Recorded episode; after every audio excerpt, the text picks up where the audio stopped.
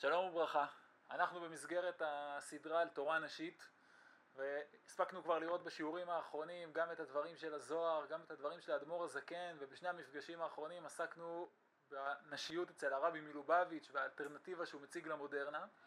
היום נעבור לעסוק בעוד דמות חשובה שעסקה גם היא בנשיות וגם בה אפשר למצוא חידוש גדול הן ביחס לתפיסת הנשיות והן ביחס לתפיסת התורה הנשית וזה הרב קוק.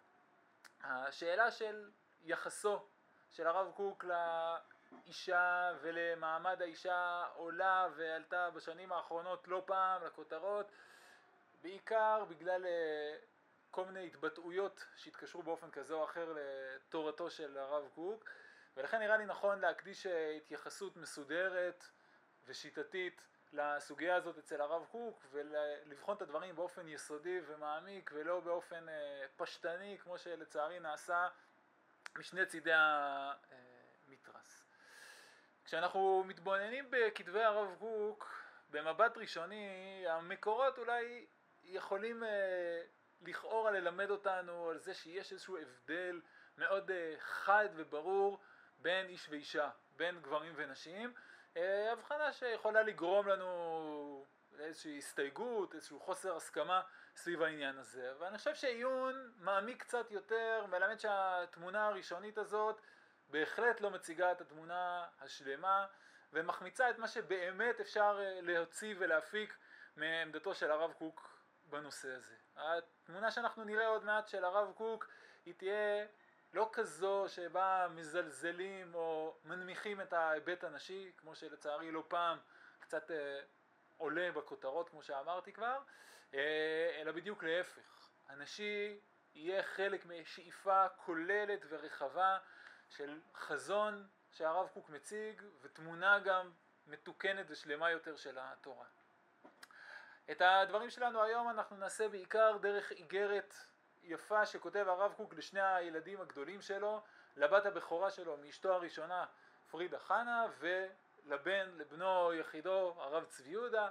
מדובר באיגרת שהרב קוק כותב לשני הילדים שלו כשהם נמצאים בירושלים, הוא ביפו באותה תקופה, הם במחצית אה, שנות, מחצית השנייה של שנות העשרה של אה, חייהם וכבר uh, בפתיחת הדברים שלו, אחרי שהרב קוק מתנצל בצורה אבהית וחמודה על זה שהוא מתעכב קצת עם השליחה של המכתבים, הוא מדגיש כבר את זה שהדברים רלוונטיים לשני הילדים שלו וסיפור המין, האם זה אישה או איש, לא רלוונטי בכלל לעניין הזה. הוא גם מוסיף שתוכן האיגרת ראוי להילמד, כלומר יש משהו באיגרת הזאת שזה לא רק מכתב נחמד לשני ילדיו, אלא הוא מציג פה איזושהי תפיסה עקרונית וחשובה. ואני מתחיל להקריא את האיגרת. חביבי נפשי, איני חפץ לקבוע לכל אחד מכם מכתב בפני עצמו. כי הדברים הרוחניים שהם עיקר יסוד קצת האורך שמכתבי יכולים לסבול, מכתבי יכולים לסבול, הם התמיד ראויים להיות משותפים באיזה צד לשניכם. הדעה היא כוללת, לא תדע חילוקי מין זולת הפרטים המסתעפים. שבהם יש כדי חלוקה לכל אחד לפי ערכו ולכל מין לפי צביונו. ואנוכי על פי רוב הנני משתמט מן הפרטים ומבקש לאחוז בכללי הרעיונות. על כן אין החלוקה מדודה אצלי בתפוחות וברוך השם ששניכם הנכם כל אחד לפי ערכו בעלי דעה, בעלי רגש, יהי מעט או הרבה, אבל מורגלים ברוך השם לראות ולשמוע לפח, לפחות לחפץ פנימי של חיי יושר של טהרה צדק ואהבה כוללת. אז בצורה אבהית ומתוקה הרב קוק מציין שהאיגרת רלוונטית לשניהם, אבל בהמשך הוא אפילו מדגיש שהוא מכוון את האיגרת יותר אה, לביתו הבכורה. יש לנו הרבה עדויות על הבת הזאת של הרב קוק שהייתה אישה חכמה ומלומדת גם בעניינים של קודש, גם בעניינים של אה, חול, עם זיכרון מאוד מרשים, אפילו מסופר על זה שהרב צבי יהודה היה נעמד כשהייתה נכנסת לחדר לחלוק לחלוק לכבוד. ובהמשך האיגרת הרב קוק עובר לדון בנושא של היחס בין גברים ונשים והוא פותח באמת בטענה שההבדל המרכזי בין גברים ונשים נעוץ בשאלה האם יש בכלל צורך ללמוד. אבל כמו שנראה עוד רגע כבר במשפט השני הוא קובע שההבחנה הזאת שהוא הציג בין גברים ונשים היא בעצם קביעה כללית שנכונה הן לגברים והן לנשים. כלומר המאפיין הנשי הוא לא שייך רק לנשים בלבד, אלא אמירה ערכית ומהותית ביחס לאדם. כפי שכבר ראינו והדגשנו את הדברים האלה גם במפגשים הראשונים, אנחנו מדברים פה על גבריות ונשיות לא במובן הסוציולוגי או הביולוגי אנטומי שלהם, אלא כמהויות שונות שקיימות בעצם בכל אחד, ואצל הרב קוק הדברים האלה חשובים מאוד. הדיכוטומיה שהרב קוק עושה בכל מיני מקומות בכתבים שלו וגם באיגרת שנראה עוד רגע, היא לא הבחנה עקרונית בין גברים ונשים, אלא הבחנה בין שני מרכיבים שקיימים בתוך האדם עצמו, הם מוצגים אולי דרך גבריות ונשיות, כדרכה של אה, גישה מהותנית כמו שהיא קיימת ברב קוק, אבל הדברים האלה כמובן בעצם קיימים בכולם. וכך הוא כותב לביתו: ההבדל, בתי היקרה, העיקרי, שבין הנפשות של האישה והאיש הוא רק ביחס אל צורך הלימודים. הספרים אינם מצד עצמם מזון טבעי לרוח האדם. הינם הטובים שבהם סמי מרפא לאדם שכבר נחלה משנות קדם, כי אני השם רופאיך. הרגש הפנימי הבריא, היוצא בטבעו הטהור על ידי חינוך בלתי נשחט, צריך הוא ללמד את האדם מה שיש בו די. הלב והמוח אינם מפסיקים את עבודתם אפילו רגע אחד בחיים, וכשהם ישרים, כל עבודתם הטבעית והתמידית היא לימוד תורה. ירדנו אמנם הרבה, נתעוותו המעשים, נתדלדלו החיים. אם לא יתקוף החולי החומרי את כל בני האדם, שלא יוכלו לנהל את הסדרים הפיזיולוגיים שלהם בלא רופאים ורפואות מלומדות מן הספרים ומן ההשערות הבלתי בטוחות. אבל רוחניות שבו באה בכללה למצב זה האומלל. אנו מוכרחים לכלות ילדינו האהובים משחר טל ילדותם שעות רבות בכל יום בחדרים בבתי ספר, לקושרם את הספרים ואל האותיות, כמו שאנו מוכרחים להכניס את החולים אל חדרי המשכב ואל תאי השמירה הקשים של הרפואה הלימודית. הרב קוק מציג לנו פה עמדה עקרונית מעניינת מאוד.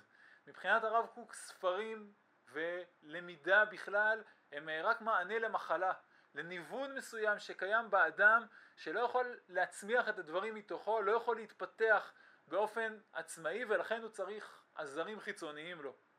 אפשר אולי אפילו לראות שהרב קוק מדייק פה את הרעיון של כי אני השם רופאיך, אה, שבא לומר שכל המטרה של התורה היא רק לתקן את האדם החולה. אדם בריא היה מצליח להנביע את הדברים אה, מתוכו בלי עזר מבחוץ, ועל הדברים האלה עוד נרחיב בהמשך, אבל זה כבר עולה פה קצת ביחס לתורה. המציאות הקיימת היא שרוב בני אדם חולים ולכן הם נזקקים לרפואה. האדם לא יודע איך לרפא את עצמו או איך לשמור על אה, בריאות תמידית. והצורך ברפואה הוא אמנם דבר חשוב, אבל הוא בוודאי לא דבר של שבח. היה מן הראוי במצב השלם והאופטימלי שהאדם לא יזדקק לו בכלל. כי הרי מחלה, הרי מה זה מחלה? מחלה היא מציאות שבה הגוף לא יכול לתפקד בפני עצמו והוא צריך סיוע מבחוץ שיעזור לו לתחזק את המערכת החיסונית או כל דבר שכזה. אומר הרב קוק, הדבר הזה נכון גם על העולם הרוחני. כאשר העולם הרוחני של האדם הוא דל וחלש, הוא צריך עכשיו עזרה מבחוץ שתרפא אותו. בסוף הקטע שקראנו היה אפשר גם לראות גישה ביקורתית מאוד של הרב קוק כלפי המודל החינוכי של אה, בית ספר.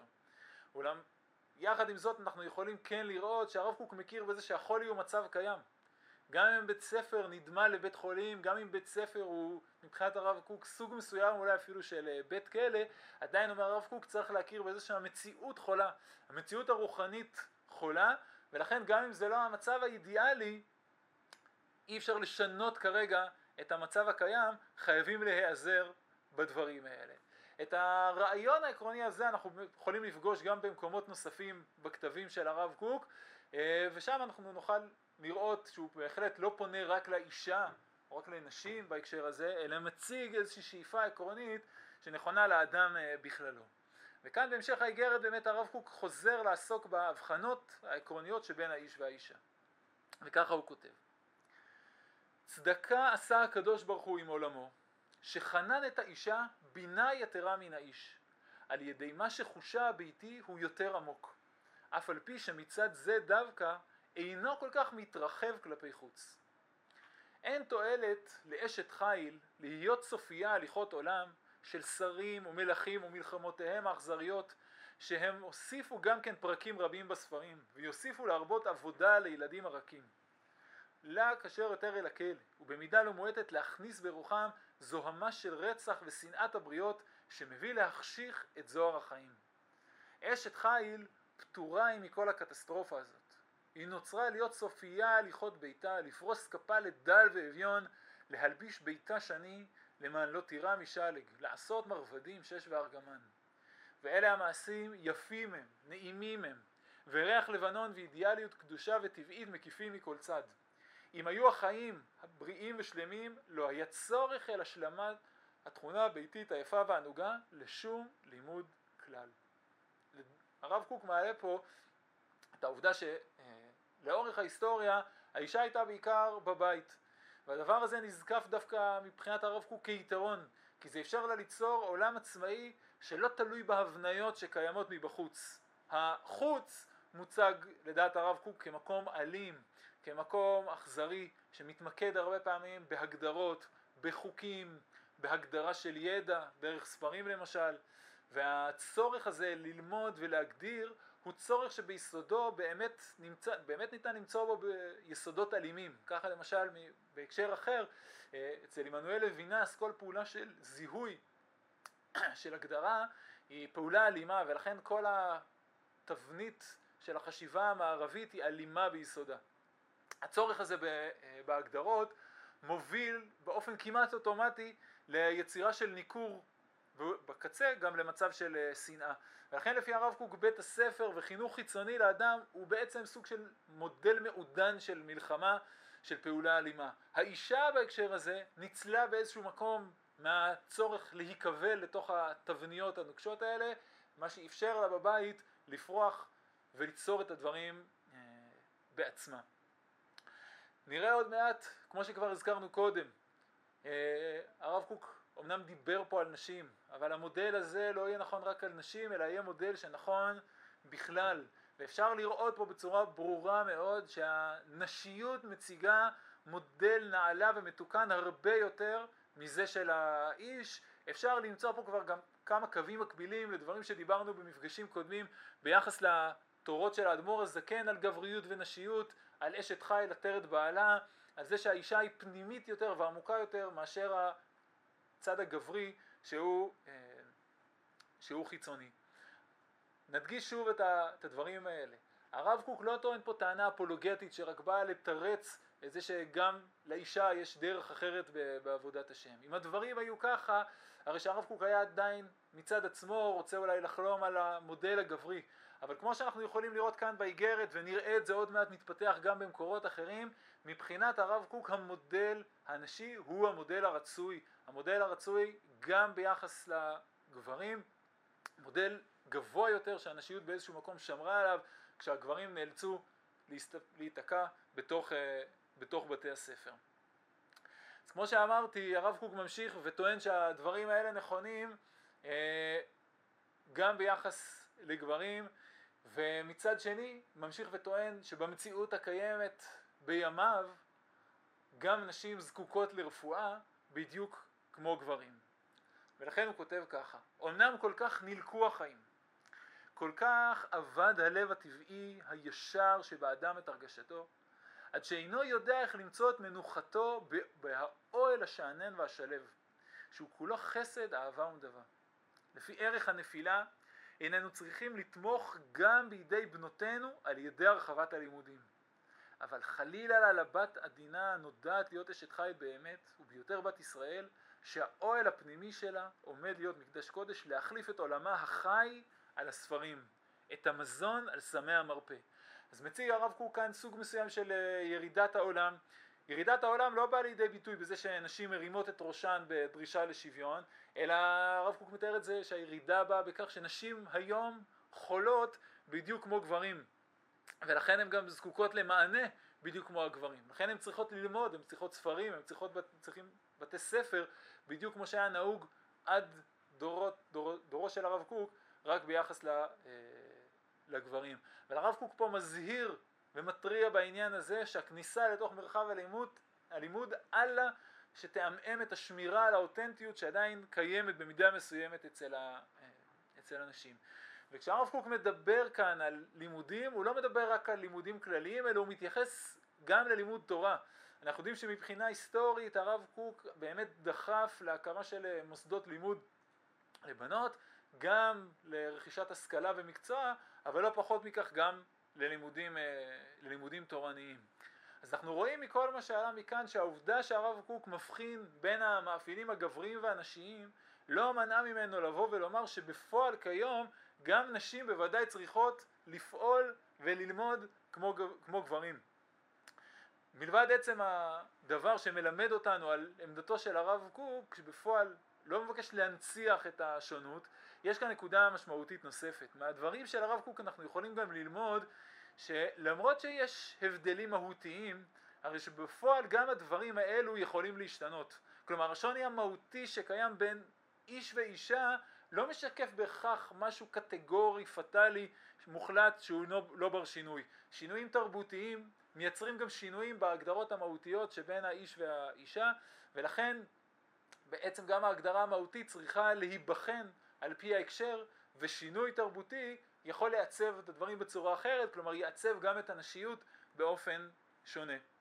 אז כמו שאמרנו, ההבנה של הרב קוק שגם נשים חולות היום, גם הן צריכות בתי מרפא רוחניים, קרי לימודים ובתי ספר, הובילה אותו בפועל לדרבן ולדחוף להקים את הדברים האלה, ודרך אגב גם את הבת הזאת שלו, שאליה הוא ממאן את המכתב, הוא בעצמה דחף, למדה הרבה מאוד, אפילו כנראה למדה אצל אנה פרויד, בתו של פרויד, אה, בווינה.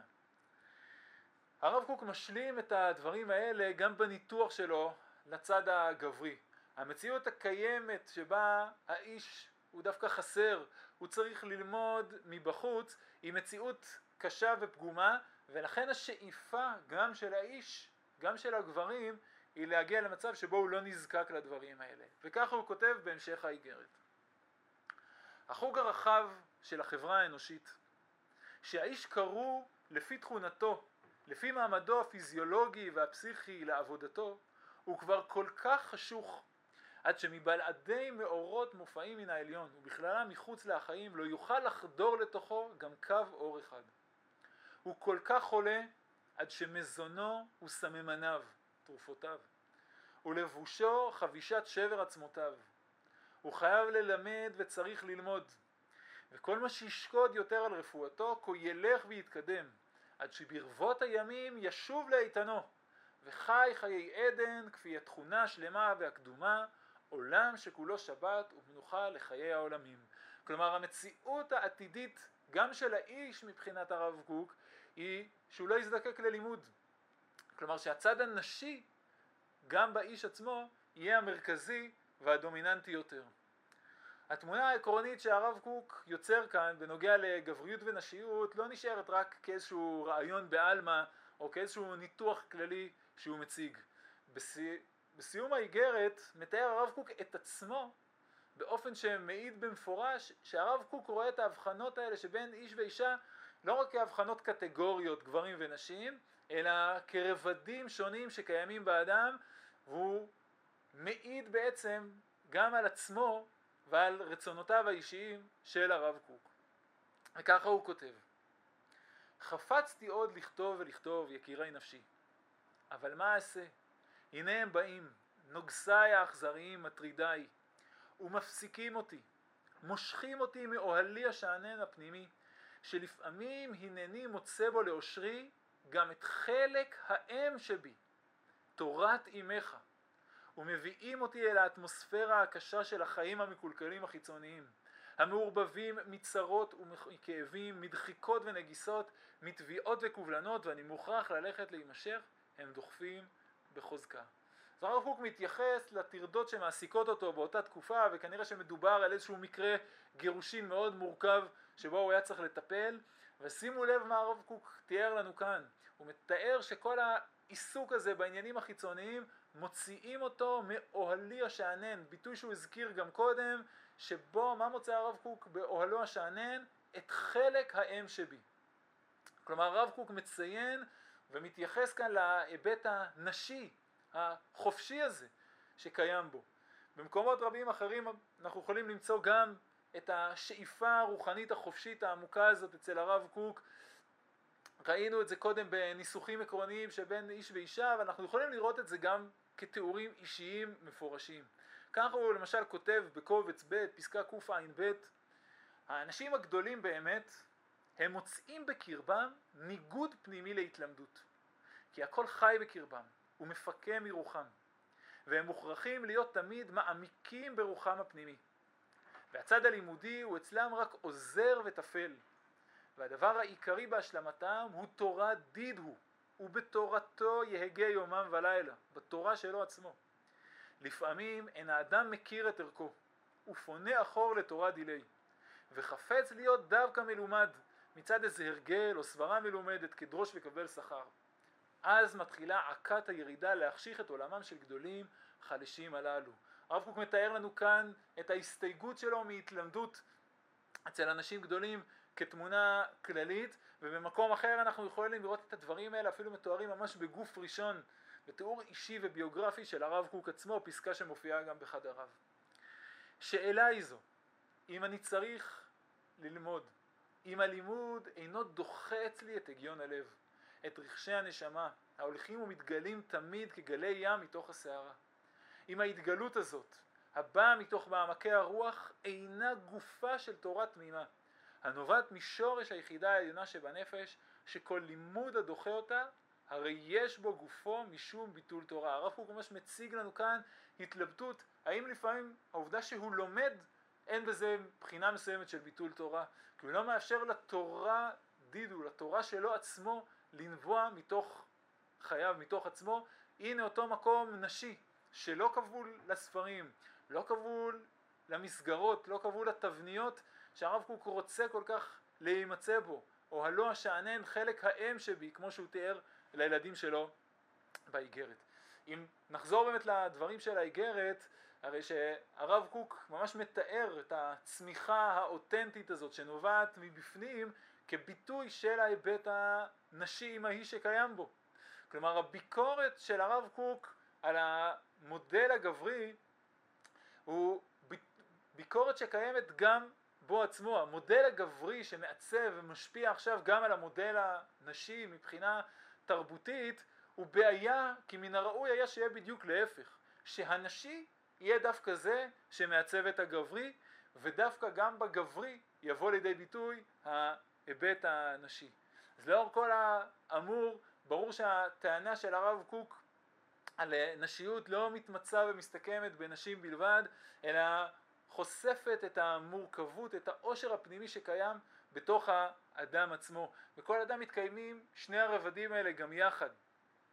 אולי אצל האיש משהו אחד דומיננטי יותר ואצל האישה משהו אחר דומיננטי, אבל עדיין שני הדברים האלה ודאי קיימים ביחד. לכן ממשיך הרב קוק באיגרת שקראנו קודם ומדגיש, זוהי תורת אימך. כלומר בשונה מהתורה במובן המוכר והמקובל שלה, יש גם תורה אימהית, יש גם תורה נשית. הרב קוק סובר שהמקום הנשי זה לא מקום בלי תורה, או מקום שבו צריך חיקוי של התורה במובן הרגיל והקיים שלה. המקום הנשי הוא המקום שבו יש הזדמנות לגלות תורה חדשה. והאתגר של השונות בין האיש והאישה לא בא לבטל או להפקיע את האישה, אלא בא לומר שהארכיטיפ הנשי, המרכיב הנשי שקיים בנו, צריך דווקא ליצור ולעורר תודעה של תורה חדשה ושונה. המצב השלם הוא כאשר האדם נבנה הן מאביו והן מאמו שמנחילים בתוכו את שני המרכיבים האלה אבל אם היינו רגילים עד היום בעיקר לתורה שמגיעה מהאב, מגיעה מהציר הגברי הרי שהרב קוק מבקש לעורר גם את תורת אמך לעורר גם את התורה של הציר הנשי שיש בה היבט מסוים של חופש שלא כבול לתבניות ולספרים. מהי בדיוק התורה הנשית האידיאלית הזאת שהרב קוק מציג כאן? בכך נעסוק במפגש הבא.